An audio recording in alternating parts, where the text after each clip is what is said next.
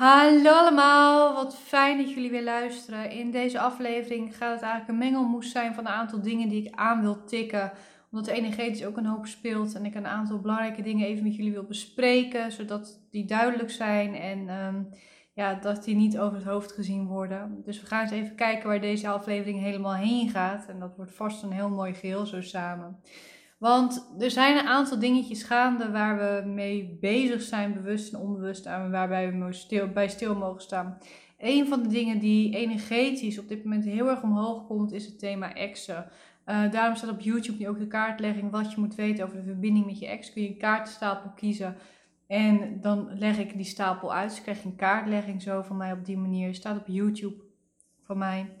Ehm, en het heeft er een beetje mee te maken dat we in energetische termen eigenlijk bezig zijn met emoties loslaten, ontladen. En dat we bezig zijn met eigenlijk het opruimen van een hele hoop belemmerende energie en ook belemmerende overtuigingen. En daarbij is het logisch dat op een gegeven moment het onderwerp ex weer aan bod komt. En natuurlijk heb ik ook een aflevering gemaakt over je ex loslaten, belangrijke dingen die je daarover mag weten. Ehm, maar het speelt dus nu weer. En een van de belangrijke dingen die je daarin ook echt over mag beseffen, is dat je ex altijd verbonden zal zijn met je verleden. Dus dat je altijd een bepaalde energieverbinding met je ex zal hebben. En dat het helemaal niet erg en helemaal niet ongezond is. Ehm, maar dat het niet zo hoeft te zijn dat je bewust iedere keer last hebt van de energie van je ex. Of continu verbonden bent, wat je dag moet beïnvloeden. En ik denk dat een heel belangrijk iets is dat je echt wel mag accepteren dat je dus een deel van je leven met diegene gedeeld hebt, zelfs wanneer dit ja, achteraf gezien helemaal niet leuk of goed is geweest. Want, en hier geloof ik heilig in, dat we er altijd wel iets uit kunnen halen voor onszelf. Dat als we er naar kijken, dat we altijd wel iets kunnen zien wat we er eventueel van kunnen leren of hoe we het kunnen bekijken dat het een functie krijgt. Want vaak moet een ervaring voor een mens nut hebben om het te kunnen verwerken en het goede plek te geven. En dat geloof ik ook zeker met relaties die misschien niet zo leuk zijn geweest. Misschien mis je ex ook echt wel. En dat is natuurlijk ook oké, want er blijft altijd een bepaalde verbinding dus bestaan. Alleen niet meer in het nu. Weet je, dat, misschien is, ben je nog wel vrienden met je ex, maar het is niet meer je partner. Dat is afgerond en klaar. En wat ook heel vaak gebeurt, en wat ik op momenten heel veel zie gebeuren, is dat mensen een nieuwe relatie krijgen. En dat ze eigenlijk tot een zekere hoogte zeker wel gelukkig zijn met hun nieuwe partner. Maar tegelijkertijd hun ex nog steeds missen. Of iemand missen met wie ze eventueel ook een relatie hadden willen hebben. Uh, maar wat niet mogelijk was. En ik merk dat dat nu heel erg speelt bij heel veel mensen. Ehm, dat ze of dus in verder zijn gegaan met een relatie en ondertussen nog steeds een ex heel erg missen. Eigenlijk stiekem aan het vergelijken zijn, een soort van heimwee hebben. Of ehm, ja, dat het toch zo op die manier een rol blijft spelen. Dat je iemand hebt tegengekomen die je vuur en vlam zetten. En dat je daar nu geen relatie meer hebt. En dat dat heel erg moeilijk verkroppen is af en toe. En dat je toch blijft hopen dat dat goed komt en dat dat terugkomt. En de reden dat dit nu zo speelt is omdat we aan het hele en het loslaten zijn. Net als altijd eigenlijk, maar in deze laatste maanden van het jaar eigenlijk nog erger, omdat volgend jaar dus die nieuwe fase eraan komt. En dit draait dus ook een heel groot gedeelte om acceptatie. Het accepteren wat er is, het accepteren dat het zo geweest is, accepteren ook dat je bepaalde dingen gewoon mist. En misschien ook accepteren dat je nieuwe partner niet hetzelfde is als je ex. En dat je dus bepaalde eigenschappen van diegene mist of diegene waar je naar verlangt. Dat je daar eigenschappen van mist in je huidige relatie. En vaak kunnen we dan de rust vinden, want het is vaak een zielsonrust. Met het besef dat we toch altijd wel verbonden blijven, maar dan op een gezonde manier. Waarbij er geen geven en nemen hoeft te zijn, maar alleen maar de verbinding hoeft te zijn. En dat we diegene dus op zielsniveau niet kwijt zijn. Want vaak zit er nu een soort bewustwording, onbewuste bewustwording achter. Dat we ja, mens zijn, dat we niet verbonden zijn zoals dat we in het universum thuis zijn.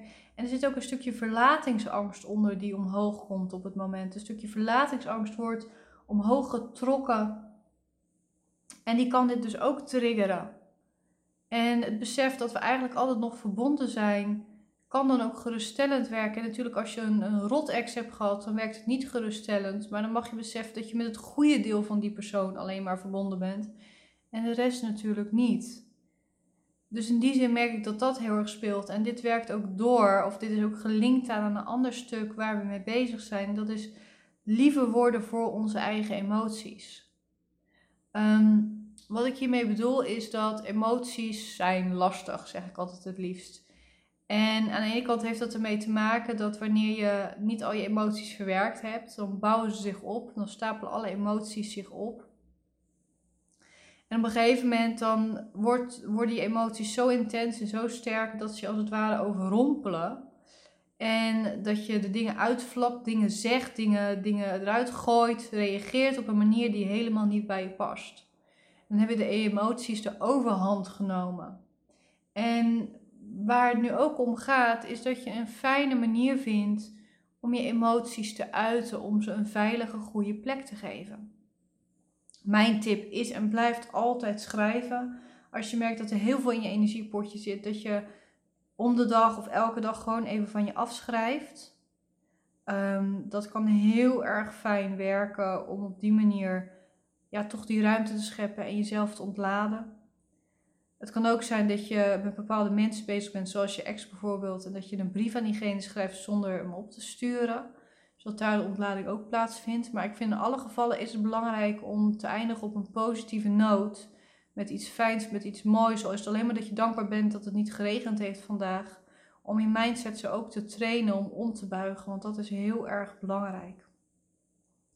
Dus ik merk dat die emoties heftiger worden en dat we ook bewust worden dat onze emoties soms zo intens kunnen zijn omdat ze opgestapeld zijn, omdat je te veel geparkeerd hebt en dat die de overhand kunnen nemen. En het is belangrijk om ze dus de ruimte te geven en te verwerken.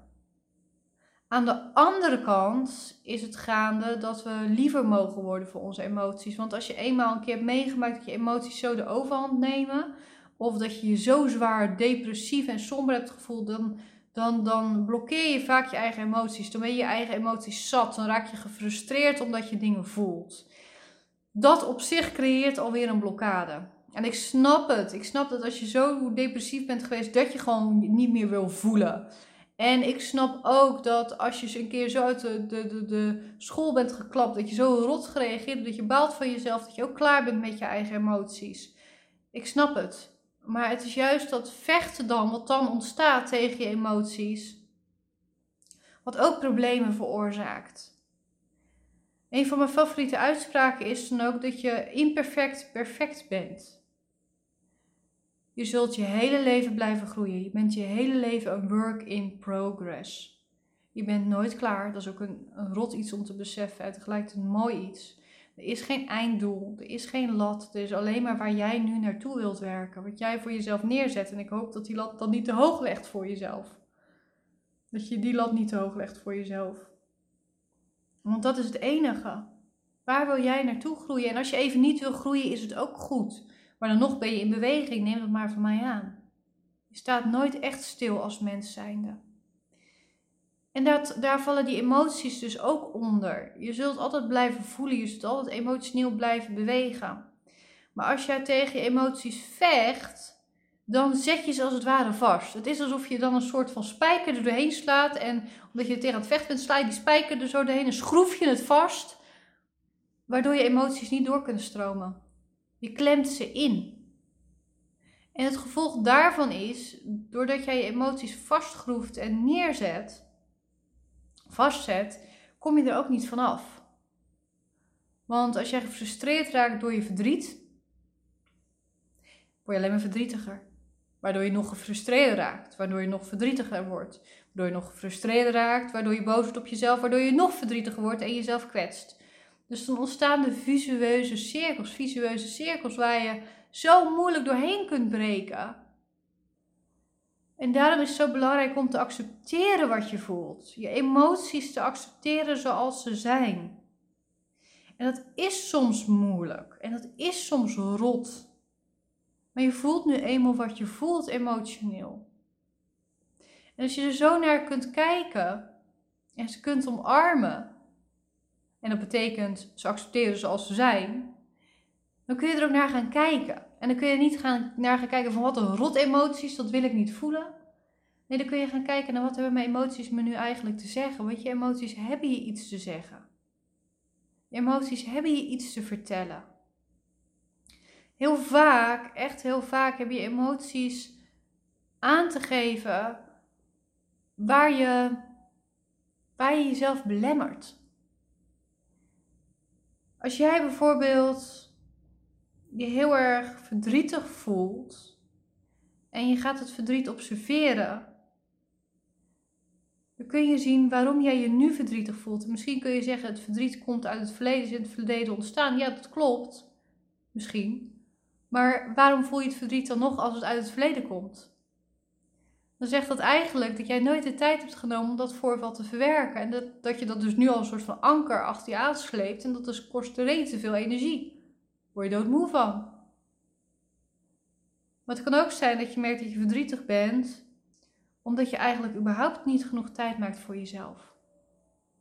Maar dan kom je pas achter als je stopt met vechten tegen het verdriet. En het gaat observeren en gaat kijken naar wat er werkelijk is. En ik weet dat dat heel moeilijk kan zijn, want verdriet is dan zo intens en dan word je er zo ongelukkig van. Dat weet ik.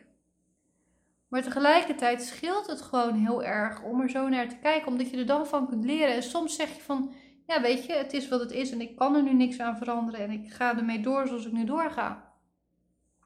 Aan de andere kant kan het zijn dat je zegt van ik ben verdrietig dus omdat ik niet genoeg tijd aan mezelf besteed. Dus ik mag nu tijd aan mezelf gaan besteden. Ik mag nu juist van mezelf twee of drie keer per week echt tien kwartiertje, tien minuten, kwartiertje vrijmaken om met mezelf te zijn om te mediteren of om te wandelen of om te schilderen of om te klussen of om te koken. Maar gewoon mezelf zijn, want dat heb ik dus nodig. En misschien ben ik wel verdrietig om vroeger, omdat mijn ouders niet genoeg aandacht voor mij hadden en niet genoeg goedkeuring voor mij hadden. Maar omdat ik nu zelf nog steeds geen tijd aan mezelf besteed, blijft dat verdriet van vroeger in het nu bestaan. Daarvoor is het er nog. Dus niet vechten tegen je emoties, maar kijken naar wat ze je te zeggen hebben. En daar iets mee doen. Maar er niet zo lelijk tegen doen. Dat lelijk doen heeft geen zin. Daarmee doe je jezelf alleen maar pijn. En omdat je dan die emoties hebt, en omdat je jezelf dan in de weg staat, ontstaat er een opening in je aura. Met als gevolg dat A. alle vervelende, belemmerende energie van anderen veel heftiger bij binnenkomt. Want die emoties waar jij tegen knokt, die vormen dan, omdat je er tegen knokt, dus een, een magneet voor de gevoelens en emoties en vermoeidheid van anderen. Dus je staat energetisch dan open voor de energie van anderen. Waardoor je nog gefrustreerder raakt en die visuele cirkel nog irritanter wordt.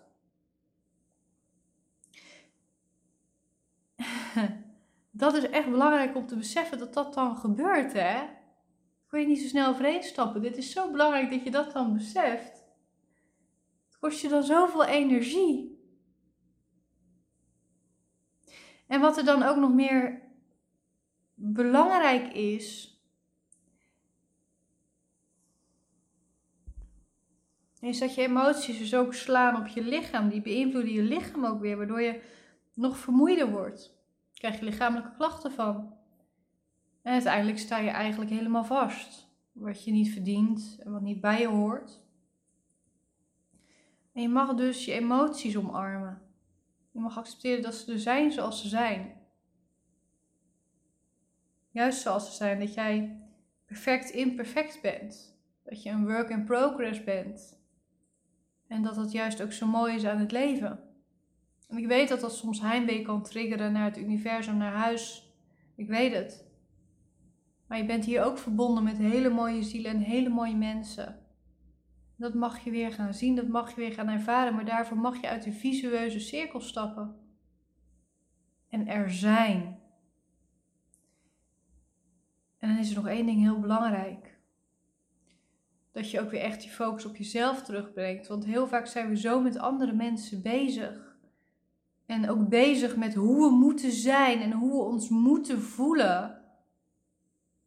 Dat we vergeten gewoon onszelf te zijn. Dat we daardoor ook alweer van onszelf wegraken. Je mag ook gewoon in het hier en nu zijn. Je mag die work in progress zijn. Je mag blij zijn met wie je nu bent en dankbaar zijn voor wie je nu bent. Je hoeft niemand anders te zijn. Het helpt niet als je jezelf vergelijkt met anderen of er verlangt naar te zijn zoals iemand anders, want jij bent uniek. Jij hebt je eigen set aan problemen en talenten. En je ziet de problemen van de ander niet altijd. Jij mag gewoon zijn wie je bent. Dus wees dat alsjeblieft. En ik hoop dat deze energie van het universum nu speelt en dan juist ook uitgelegd in de wat psychologische bewoording die ik gebruik, uh, gebruik dat je daardoor je rust vindt, jezelf weer begrijpt waarom dingen nu gebeuren, waarom je je nu zo voelt. Ruimte gaat maken voor je emoties, eventueel gaat onderzoeken. Komt het helemaal goed. Dan ga ik hem hier afronden. Dan wens ik je voor nu een hele fijne dag toe.